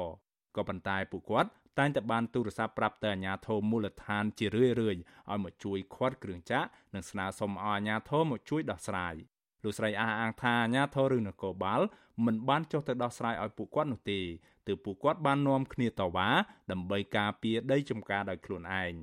ក្នុងរយៈពេលកន្លះខែចុងក្រោយនេះអ្នកភូមិព្រៃពាយបាននាំគ្នាចេញតវ៉ាយ៉ាងតិចណាស់3ដងក្នុងពេលតវ៉ាទាំងនេះអាជ្ញាធរមូលដ្ឋានមិនបានចុះទៅដោះស្រាយឲ្យអ្នកភូមិនោះទេ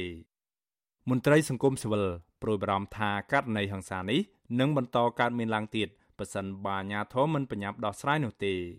អ្នកខ្លំមើលសិទ្ធិមនុស្សនៃអង្គការលីកាដូប្រចាំខេត្តកំពតលោកប៉ែនវុធាឲ្យដឹងថាពលរដ្ឋបានចូលទៅកាន់កាប់ដីគម្របព្រៃឈើរបស់រដ្ឋ ដើម្បីបង្កបង្កើនផល នៅភូមិព្រៃពាយអស់រយៈពេលជាច្រើនឆ្នាំមកហើយ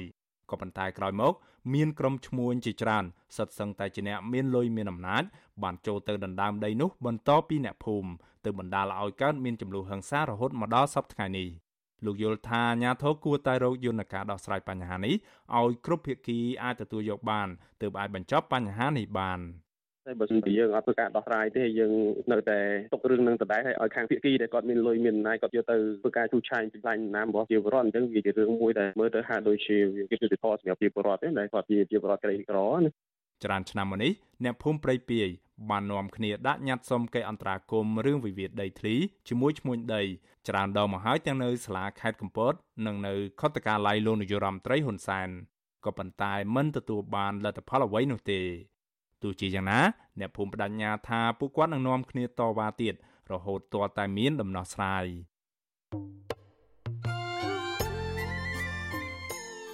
បាឡូណានាងជាទីមេត្រីដំណើរគ្នានឹងស្ដាប់ការផ្សាយរបស់ Visual Asia ស្រីតាមបណ្ដាញសង្គម Facebook និង YouTube លោកនាងកញ្ញាក៏អាចស្ដាប់កម្មវិធីផ្សាយរបស់ Visual Asia ស្រី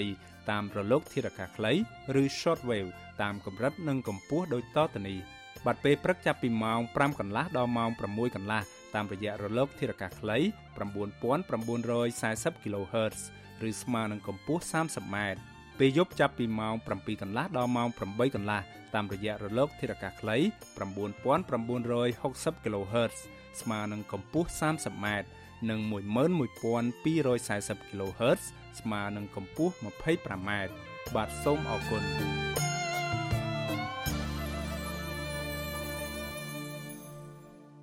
បាទលោកនាងជាទីមេត្រីជុំវិញផលប៉ះពាល់ដោយសារវិបត្តិជំងឺ Covid-19 ដែលកំពុងតែបន្តអូសបន្លាយនេះវិញបាទអ្នកប្រកបមុខរបរសេដ្ឋកិច្ចក្រៅប្រព័ន្ធ បន្តត្អូញត្អែពីទុកលំបាកនៅក្នុងការរកចំណូលដោយសារតែវិបត្តិជំងឺ Covid-19 បន្តអូសបន្លាយដែលបណ្ដាលឲ្យជីវភាពរបស់ពួកគេកាន់តែលំបាកលំបិនពីមួយថ្ងៃទៅមួយថ្ងៃខណៈពួកគេអះអាងថាមិនទាន់ទទួលបានជំនួយឬសាច់ប្រាក់ឧបត្ថម្ភនិងផែនការជួយស្ដារឡើងវិញនៅមុខរបរឬអាជីវកម្មរបស់ពួកគេពីសំណាក់រដ្ឋាភិបាលនៅឡើយទេ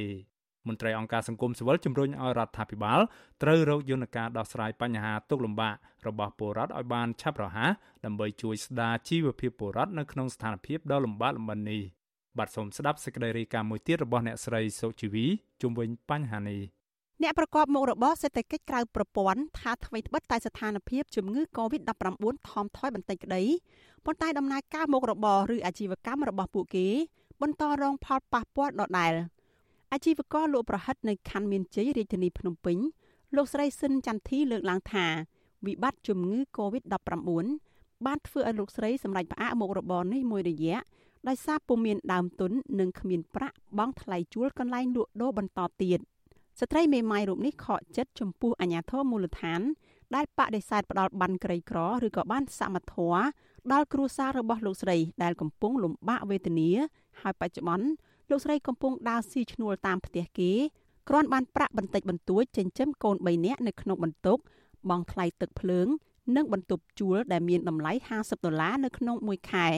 ខ្ញុំលំបាកអត់មានអ្នកណាជួយឧបត្ថម្ភខ្ញុំទេមានតែខ្ញុំប្រើកម្លាំងហើយនឹងខ្ចីលុយគេមានខ្ញុំជំពាក់គេចូលពី3000ដុល្លារអត់មានលុយសម្រាប់កូនពេញខ្ញុំបាយប្រេខ្ញុំខ្ញុំអត់មានផ្ទះនៅអត់មានអីប៉ុន្តែអ៊ុំសង្កាត់គេគឺគេអត់ដឹងអត់លឺអត់ដឹងអីទាំងអស់ខ្ញុំគឺពិបាកសិនជាអ្នកកិតខ្លីគេដាក់រួនហើយតែខ្ញុំគិតថាធ្វើម៉េចខ្ញុំតស៊ូទៅជាមួយគ្នានេះអ្នករត់រមាក់កង់3នៅរាជធានីភ្នំពេញលោកឈៀងស៊ីណាតប្រាប់ថាលោកធ្លាប់រកប្រាក់ចំណូលជួយផ្គត់ផ្គង់គ្រួសាររស់នៅសមរម្យប៉ុន្តែស្ថានភាពមិនច្បាស់លាស់នៃជំងឺ Covid-19 បណ្ដាលឲ្យលោករកចំណូលសឹងតែមិនបាន20000រៀលនៅក្នុងមួយថ្ងៃខណៈតម្លៃសាំងនិងហ្គាសនៅទីផ្សារក៏ឡើងថ្លៃហើយម្ហូបអាហារវិញក៏ឡើងថ្លៃផងដែរបុរសវ័យ34ឆ្នាំរូបនេះអះអាងថាលោកមិនបានទទួលជំនួយសង្គមឬសាច់ប្រាក់ឧបត្ថម្ភពីផែនការរបស់រដ្ឋាភិបាលកន្លងមកទេលោកស្នើដល់រដ្ឋាភិបាលឲ្យជួយស្ដារស្ថានភាពអ្នកប្រកបរបរសេដ្ឋកិច្ចក្រៅប្រព័ន្ធ ដែលកំពុងរងផលប៉ះពាល់ឲ្យបានឆាប់សេវាដឹកជញ្ជូនរបស់យើងនេះគឺថយខ្លាំងអញ្ចឹងគឺយើងប៉ះពាល់ខ្លាំងណាស់ចំពោះជីវភាពប្រចាំថ្ងៃយើងត្រូវការណានៅក្នុងការហូបចុកពីមុនធ្លាប់ហូបចំណាយ10000ឥឡូវនៅសល់តែ5000ហូបក្នុងមួយថ្ងៃការពងទាជៀនពងទាស្ងោក៏មានអ្វីក៏ដោយឲ្យតែបានរួចអញ្ចឹងដល់សប្តាហ៍នេះខាងខ្ញុំដែលជាសេដ្ឋកិច្ចចៅពាន់គឺអត់ទាន់ទទួលឲ្យបានដំណោះស្រាយល្អពីខាងរដ្ឋាភិបាលទេគឺអត់ទាន់មានពន្លឺណាមួយឡើយ វិទ្យុអាស៊ីសេរីមិនអាចតាក់ទងแนะនាំពាក្យក្រសួងសង្គមគិច្ចអតីតយុទ្ធជននិងយុវនីតិសម្បទាលោកតូចច័ន្ទនីនិងแนะនាំពាក្យក្រសួងកាងារលោកហេងសួរដើម្បីសុំការបកស្រាយជុំវិញរឿងនេះបានទេកាលពីថ្ងៃទី19ខែកញ្ញាប៉ុន្តែលោកនាយករដ្ឋមន្ត្រីហ៊ុនសែនកាលពីថ្ងៃទី12ខែកញ្ញាបានបញ្ជាឲ្យអភិបាលរាជធានីភ្នំពេញយកចិត្តទុកដាក់ចាក់វ៉ាក់សាំងបង្ការជំងឺ Covid-19 លើកទី3 ឬដុសជំរុញដល់អ្នកប្រកបមុខរបរនៅសេដ្ឋកិច្ចក្រៅប្រព័ន្ធដើម្បីទប់ស្កាត់ជំងឺ Covid-19 បំផ្លែងថ្មីប្រភេទ Delta និងឈានទៅរកការបើកដំណើរការអាជីវកម្មឡើងវិញ ជុំវិញរឿងនេះប្រធានសមាគមឯករាជ្យនៃសេដ្ឋកិច្ចក្រៅប្រព័ន្ធលោកវុនពៅមានប្រសាសន៍ថាស្ថានភាពលំបាកនេះសង្គមស៊ីវិលនៅតែព្រួយបារម្ភពីបញ្ហាប្រាក់ចំណូល និងជីវភាពអ្នកប្រកបរបរនៅក្រៅប្រព័ន្ធដោយសារតែតំបន់មួយចំនួននៅរាជធានីភ្នំពេញនិងខេត្តផ្សេងទៀតបន្តបិទសកម្មភាពការងារនិងដំណើរការមុខរបរឬអាជីវកម្មដើម្បីទប់ស្កាត់ជំងឺ Covid-19 លោកសង្កេតឃើញថាកន្លងមកគោលនយោបាយរបស់រដ្ឋាភិបាល ដែលបានផ្ដល់ជំនួយសង្គមនិងបើកសាច់ប្រាក់ដល់អ្នករងគ្រោះដោយសារជំងឺ Covid-19 នោះគឺនៅមិនទាន់បានឆ្លើយតបពេញលេញនោះទេលោកបញ្ជាក់ថាស្ថានភាពនេះពួកគាត់ត្រូវការជំនួយពីរដ្ឋាភិបាលជាស្បៀងអាហារថវិកានិងបានសមត្ថៈឬបានបេឡារបបសន្តិសុខសង្គមដើម្បីកាត់បន្ថយការចំណាយផ្សេងផ្សេងហើយយើងមិនទាន់ឃើញគោលនយោបាយនេះវាក្របដណ្ដប់ប្រជាពលរដ្ឋចំនួនប្រមាណនេះពិតប្រាកដឲ្យច្បាស់ទេអញ្ចឹងរដ្ឋក៏ត្រូវគិត អំពីគោលនយោបាយនេះចែងជាក់លាក់ថាជាពលរដ្ឋក្រៅប្រព័ន្ធហ្នឹងត្រូវតែផ្ដល់កម្រិតណាព្រោះរដ្ឋបានលើកឡើងថាអ្នកក្រៅប្រព័ន្ធអាចនឹងប្រឈមមុខចំនួន6លានអ្នកដែលបាត់បង់ការងារអញ្ចឹងរដ្ឋត្រូវជួយសង្គ្រោះរៀបចំមូលនិធិសម្រាប់ជួយអ្នកដែលទាំង6លានអ្នកដែលនឹងបាត់បង់ការងារនៅក្នុងស្ថានភាពកូវីដនេះឲ្យច្បាស់លាស់ហើយដោយមិនរើមុខថែមទៀតមន្ត្រីសង្គមស៊ីវិលទទូចឲ្យរដ្ឋាភិបាលបង្កើនកញ្ចប់ថវិកានិងរៀបចំគោលនយោបាយស្ដារសេដ្ឋកិច្ចឲ្យបានច្បាស់លាស់ ដើម្បីធានាដំណើរការមុខរបរឬអាជីវកម្មពលរដ្ឋឲ្យដំណើរការឡើងវិញខណៈពួកគេកំពុងរងគ្រោះដោយសារតែវិបត្តិជំងឺ Covid-19 បន្តអូសបន្លាយនាងខ្ញុំសកជីវី With you Azizi Saray ពីរដ្ឋធានី Washington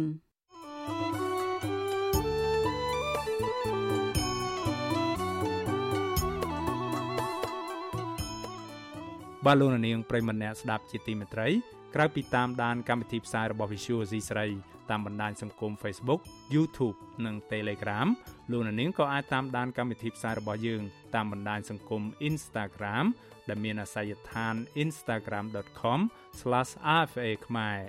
Visual C ស្រីបន្តខិតខំផ្សព្វផ្សាយព័ត៌មានពិតជូនដល់លោកនាង តាមរយៈបណ្ដាញសង្គមផ្សេងៗនិងសម្បូរបែបដើម្បីឲ្យលោកនាងងាយស្រួលតាមដានការផ្សាយរបស់យើងគ្រប់ពេលវេលានិងគ្រប់ទីកន្លែងតាមរយៈទូរស័ព្ទដៃរបស់លោកនាង បាទសូមអរគុណ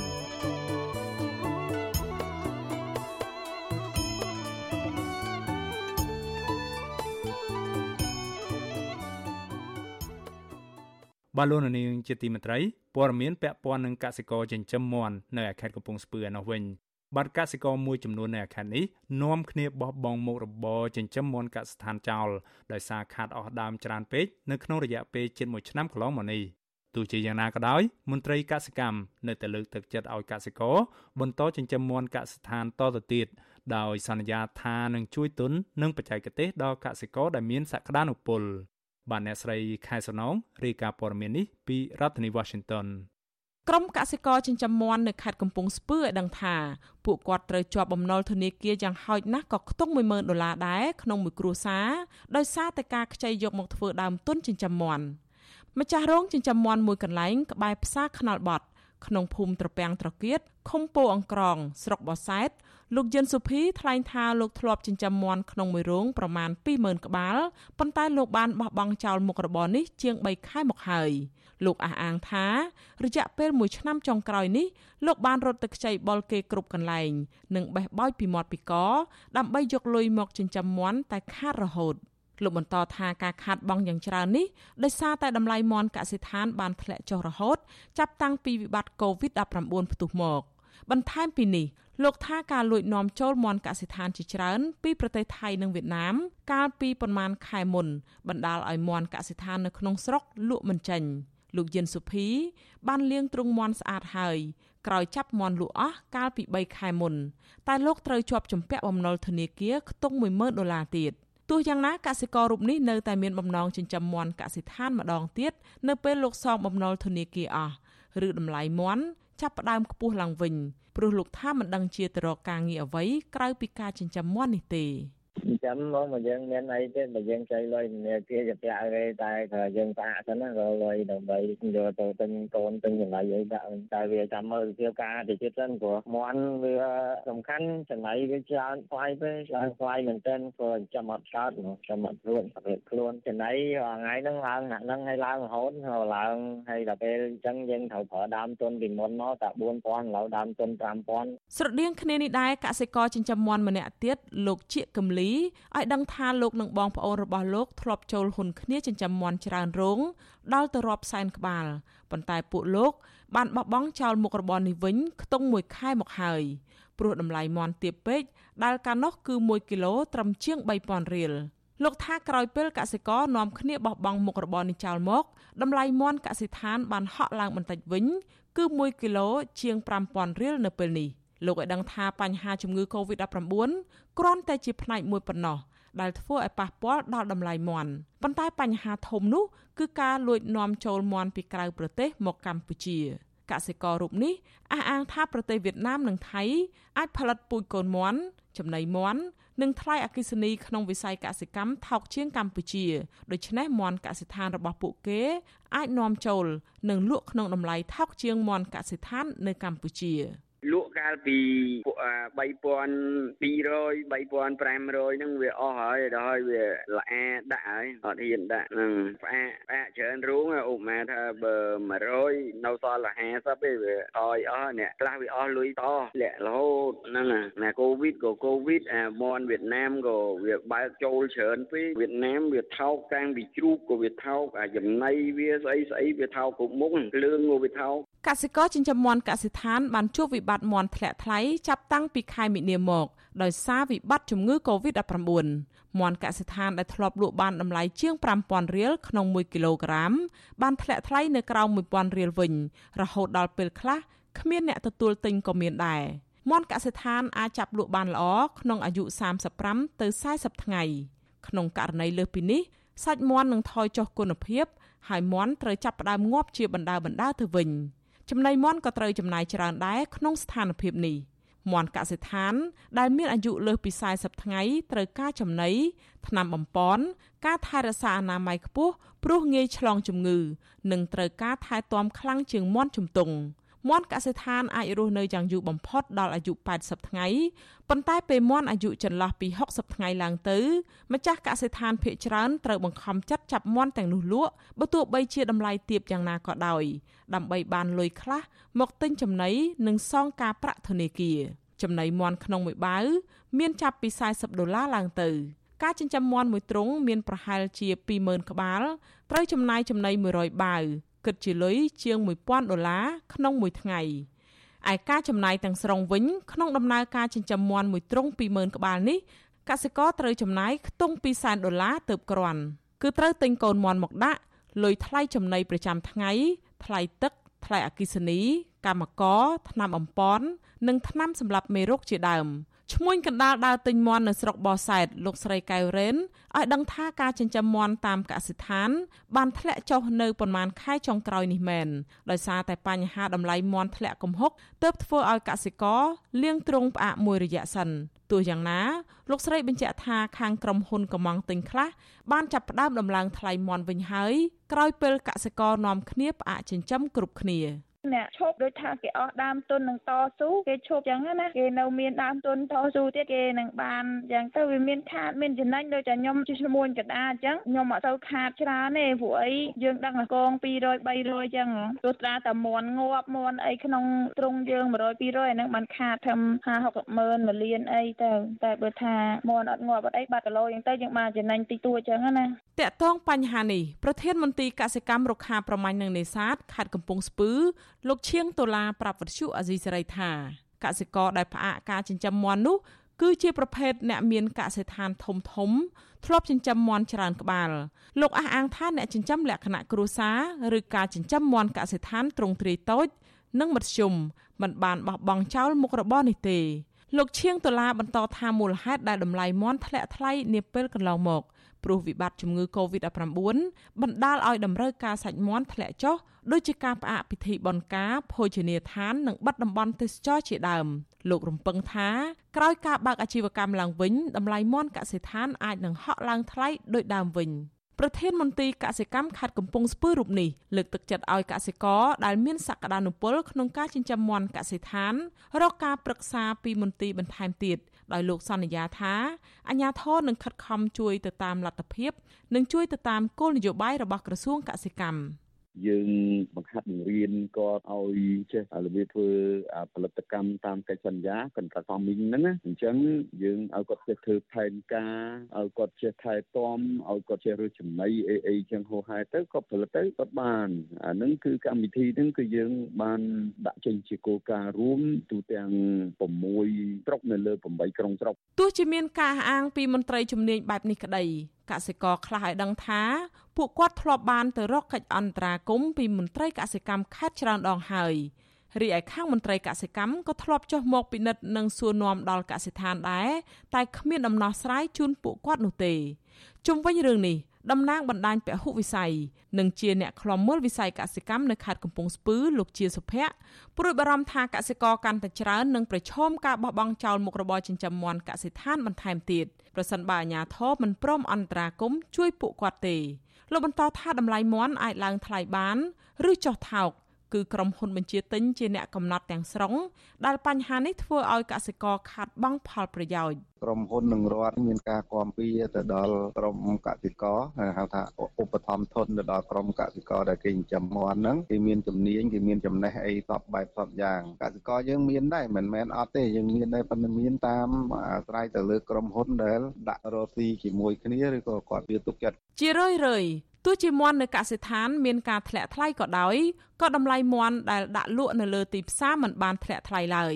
ទន្ទឹមនឹងនេះសមាគមចិញ្ចឹមសត្វមាន់កម្ពុជារកឃើញថាចាប់តាំងពីជួបវិបត្តិជំងឺ Covid-19 មកកសិករប្រមាណជា3000គ្រួសារបានបោះបង់ចោលការចិញ្ចឹមសត្វដោយសារតែការខាត់បង់ច្រើននិងមិនអាចប្រកួតប្រជែងតម្លៃជាមួយសាច់សត្វដែលឈ្មួញនាំចូលពីប្រទេសជិតខាងបាន កាលពីឆ្នាំ2020លោកនាយករដ្ឋមន្ត្រីហ៊ុនសែនធ្លាប់អំពាវនាវឲ្យកម្មករនិងពលករដែលបានបាត់បង់ការងារធ្វើក្នុងវិស័យឧស្សាហកម្មនាំគ្នាត្រឡប់ទៅស្រុកកំណើតបង្កើនការដាំដំណាំនិងចិញ្ចឹមសត្វលោកថែមទាំងសន្យាថារដ្ឋាភិបាលនឹងជួយជ្រោមជ្រែងជួយទាំងដើមទុននិងបច្ចេកទេសដើម្បីឲ្យកសិផលទាំងនោះអាចផ្គត់ផ្គង់ទីផ្សារនៅក្នុងស្រុកប៉ុន្តែក្រោយពេលកសិករខ្ចីលុយធនាគារយកមកធ្វើដើមទុនដាំដំណាំ ឬចិញ្ចឹមសត្វបានផលហើយនោះពួកគាត់ត្រូវជួបវិបត្តិគ្មានទីផ្សារលក់ចេញទៅវិញចា៎នាងខ្ញុំខែសុណងវិទ្យុអាស៊ីសេរីរាយការណ៍ពីរដ្ឋធានី Washington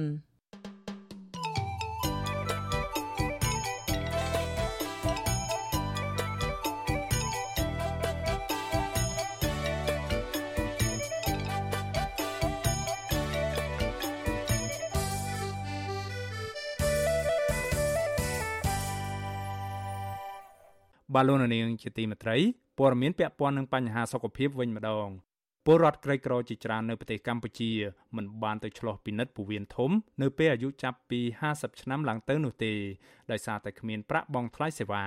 បញ្ហានេះហើយដែលជាមូលហេតុចម្បងនាំឲ្យមានអ្នកជំងឺខ្លះបាត់បង់ជីវិតដោយសារតែជំងឺមហារីកពោះវៀននេះវិវត្តទៅជាធ្ងន់ធ្ងរដែលធ្វើឲ្យក្រុមគ្រូពេទ្យមិនអាចជួយព្យាបាលនិងជួយសង្គ្រោះជីវិតបានទាន់ពេលវេលា បាទតើជំងឺមហារីកពោះវៀនបង្ហាញរោគសញ្ញាអ្វីខ្លះហើយគេអាចមានវិធីណាខ្លះដើម្បីបង្ការឬកាត់បន្ថយអត្រាស្លាប់នៃជំងឺនេះបាទពីរដ្ឋធានី Washington អ្នកស្រីម៉ៅសុធានីសូមជូនសេចក្តីរាយការណ៍ពិស្ដារជុំវិញព័ត៌មាននេះវិជ្ជបណ្ឌិតជំនាញសុខភាពនៅប្រទេសកម្ពុជាឲ្យដឹងថាបរដ្ឋខ្មែរដែលមានជីវភាពក្រីក្រភាគច្រើនមិនបានទៅឆ្លោះពិនិត្យពោះវៀនធំនោះទេ បើទោះបីជាមានរោគសញ្ញាខ្លះខ្លះដូចជាឧស្សាហ៍ចុកពោះទល់លាមកលាមកពណ៌ខ្មៅឬក៏មានឈាមក្នុងលាមកក៏ដោយចាំម្ចាស់ clinic មេតានៅរាជធានីភ្នំពេញលោកវិជ្ជបណ្ឌិតហៀងរតនាមានប្រសាសន៍ប្រាប់វិទ្យុអវិស្រីថាមូលហេតុនេះហើយនៅពេលដែលអ្នកជំងឺមកទទួលសេវាព្យាបាលនៅមន្ទីរពេទ្យឬក៏ clinic ឯកជននោះគឺវាហួសពេលទៅហើយ ដោយសារជំងឺមានលក្ខណៈធ្ងន់ធ្ងរហើយដែលក្រុមគ្រូពេទ្យមិនអាចជួយព្យាបាលឬក៏ជួយសង្គ្រោះជីវិតបានឡើយអឺចំពោះនៅស្រុកខ្មែរយើងជាទូទៅគឺអត់មានទេមិនសូវមានដែលថាអ្នកណាទៅពិនិត្យមុនដើម្បីស្វែងរកជំងឺមុនឬក៏ដើម្បីការពារខ្លួនឬក៏ដើម្បីតែដឹងជំងឺនៅដំណាក់កាលដំបូងទេ ពីព្រោះជីវភាពប្រជាពលរដ្ឋខ្មែរយើងនៅមានកម្រិតភាគច្រើនអ្នកទៅទៅពិនិត្យគឺនៅពេលដែលពួកគាត់មានបញ្ហាចេញរោគសញ្ញាជំងឺមកហើយបាទពួកគាត់ទៅពិនិត្យហើយអ្នកដែលពិនិត្យមុនគឺមានភាគរយតិចបំផុតហើយជាពិសេសគឺអ្នកមានជីវភាពទូធាដែលគាត់ទៅពិនិត្យនៅក្រៅប្រទេសភាគច្រើនទៅថៃទៅវៀតណាមចឹងទៅពិនិត្យនៅក្នុងប្រទេសតែភាគច្រើនបំផុតហ្នឹងគឺដោយសារគាត់ហ្នឹងមានបញ្ហាមានជំងឺទៅហើយ ចាលោកវិជ្ជបណ្ឌិតហៀងរតនាបន្តថាការឆ្លោះពិនិត្យពោះវៀននេះគឺមានសារៈសំខាន់ណាស់ដើម្បីពិនិត្យរកមើលជំងឺរលាកពោះវៀនស្ទះពោះវៀនដុសសាច់ឬក៏មហារីកពោះវៀនលោកថាការឆ្លោះពិនិត្យពោះវៀនធំនៅតាម clinic ឯកជន គឺតម្លៃសេវាចន្លោះពី200ទៅ500ដុល្លារអាមេរិកក៏ប៉ុន្តែនៅតាមមន្ទីរពេទ្យឯកជនធំធំនិងទំនើបខ្លាំងគឺអាចថ្លៃជាងនឹង ចំណែកនៅមន្ទីរពេទ្យរដ្ឋវិញក៏គេយកតម្លៃពី50ដុល្លារទៅ150ដុល្លារនៅពេលដែលឆ្លោះពិនិត្យម្ដងម្ដងចាបញ្ហាតម្លៃសេវាខ្ពស់នេះហើយដែលជាមូលហេតុចម្បងនាំឲ្យបរិវត្តក្រីក្រគ្មានលទ្ធភាពពិនិត្យពោះវៀនជាមុនដែលករណីនេះបណ្ដាលឲ្យបាត់បង់ជីវិតដោយមិនដឹងច្បាស់ពីមូលហេតុពិតប្រាកដនៃការស្លាប់នោះទៀតផង ចាលោកវិជ្ជបណ្ឌិតជំនាញសុខភាពទូទៅរូបនេះមានប្រសាសន៍បន្តថាគេអាចកត់សម្គាល់រោគសញ្ញាមួយចំនួននៃជំងឺមហារីកពោះវៀនធំ ដូចជាឧស្សាហ៍ឈឺពោះបាត់ជើងធំមិនទៀងទាត់ទល់លាមកលាមកមានឈាម ស្រកទម្ងន់ដោយគ្មានមូលហេតុនិងច្រើនអស់កម្លាំងលហិតលហៃជាដើមចំពោះការផលិតសុងពោះវៀនហ្នឹងវាអាចរកជំងឺច្រើនហើយជំងឺនីមួយៗមានរោគសញ្ញាផ្សេងផ្សេងគ្នា បើចំពោះជំងឺមហារីកហ្នឹងអាចធ្វើឲ្យជំងឺហ្នឹងមានរាករ៉ាំរ៉ៃជាប្រចាំឬពេលខ្លះទៅជាក្តៀនទល់លាមកជួអត់ចេញវិញដោយសារមានដុំសាច់ដុសធំវាស្ទះគឺច្រើនបំផុតដែលសំខាន់ហ្នឹងគឺមានហូរឈាមធ្លាក់ឈាមតាមបាតធ្លាក់មកឈាមក្រហមស្រស់ឬក៏លាមកខ្មៅមហារីកវិនគឺច្រើនក៏តែទៅលើចាស់ចាស់ទេតែគាត់អាយុចាប់ពី50 60ឆ្នាំឡើងមិនមិនមានពីច្រើនណាចាស្ថិតិជំងឺមហារីករបស់ Global Can ឆ្នាំ2020 នៃអង្គការសុខភាពពិភពលោកបង្ហាញថាប្រជាប្រដ្ឋខ្មែរចំនួនជាង18000នាក់នៅក្នុងប្រទេសកម្ពុជា បានទទួលសេវាព្យាបាលជំងឺមហារីកនៅក្នុងអំឡុងឆ្នាំ2020ក្នុងនោះអ្នកជំងឺជាង12000នាក់បានស្លាប់ដោយសារតែជំងឺមហារីកថ្លើមដែលសម្លាប់ច្រើនជាងគេ ហើយបន្ទាប់មកមហារីកសួត ទី3មហារីកសុដន់ទី4មហារីកស្បូន និងទី5វិញគឺការស្លាប់ដោយសារមហារីកពោះវៀនធំ ដែលមានចំនួនជាង500នាក់ចាចំណែកអ្នកកើតជំងឺមហារីកពោះវៀនធំករណីថ្មីវិញក្នុងឆ្នាំ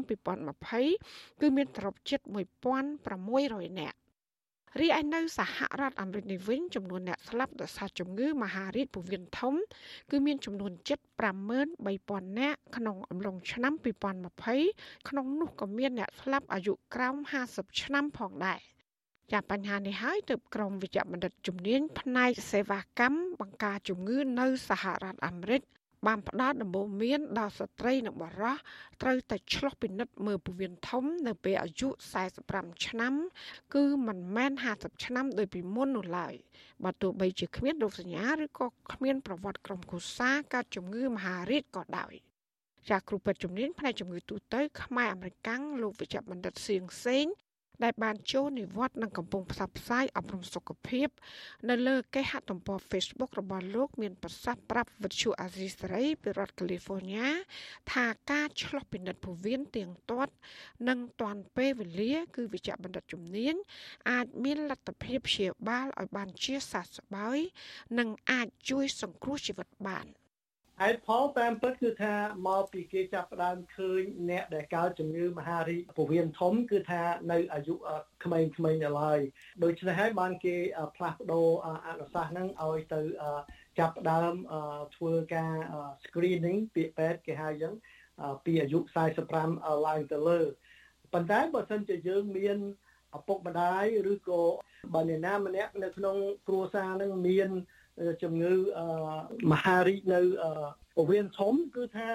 គេតម្រូវឲ្យយើងទៅ screen មុនអាយុ45នឹងទៅទៀតបាទ ចាគេហទំព័រសុខភាពក្រុមគូពេទ្យជំនាញ WebMD នៅសហរដ្ឋអាមេរិកឲ្យដឹងថាជំងឺមហារីកពោះវៀនធំ ចំនួន90%ច្រើនកើតចំពោះអ្នកមានវ័យលើសពី50ឆ្នាំឡើងទៅ ចាអ្នកដែលធ្លាប់មានបំសាច់ក្នុងពោះវៀនធំផលីបអ្នកមានប្រវត្តិក្រុមគ្រួសារធ្លាប់កើតជំងឺមហារីកឬមហារីកពោះវៀនធំ អ្នកធាត់ខ្លាំងចុកខ្លាញ់ អ្នកជក់បារី អ្នកទទួលទានតារាច្រើនហួសហេតុពេកនិងអ្នកមានទម្លាប់ទទួលទានរបបអាហារមិនល្អដូចជាសាច់ក្រហម អាហារបំពង និងជាតិខ្លាញ់ជាដើមចាទាំងលោកវិជ្ជបណ្ឌិតហៀងរតនានិងលោកវិជ្ជបណ្ឌិតសៀងសេងយល់ស្របដូចគ្នាថាវិធីដ៏ល្អបំផុតដើម្បីកាត់បន្ថយហានិភ័យខ្ពស់នៃជំងឺមហារីកពោះវៀនធំ គឺត្រូវឆ្លុះពិនិត្យពោះវៀនធំក្រោយពីអាយុ45ឆ្នាំឡើងទៅ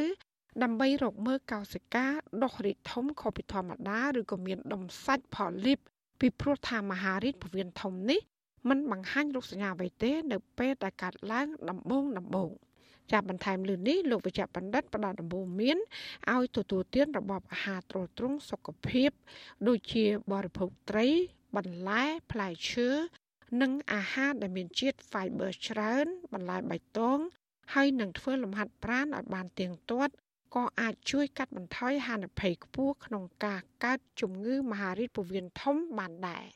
ចាននាងខ្ញុំម៉ៅសុធានីវិទ្យុអាស៊ីស្រីប្រធានាធិបតី Washington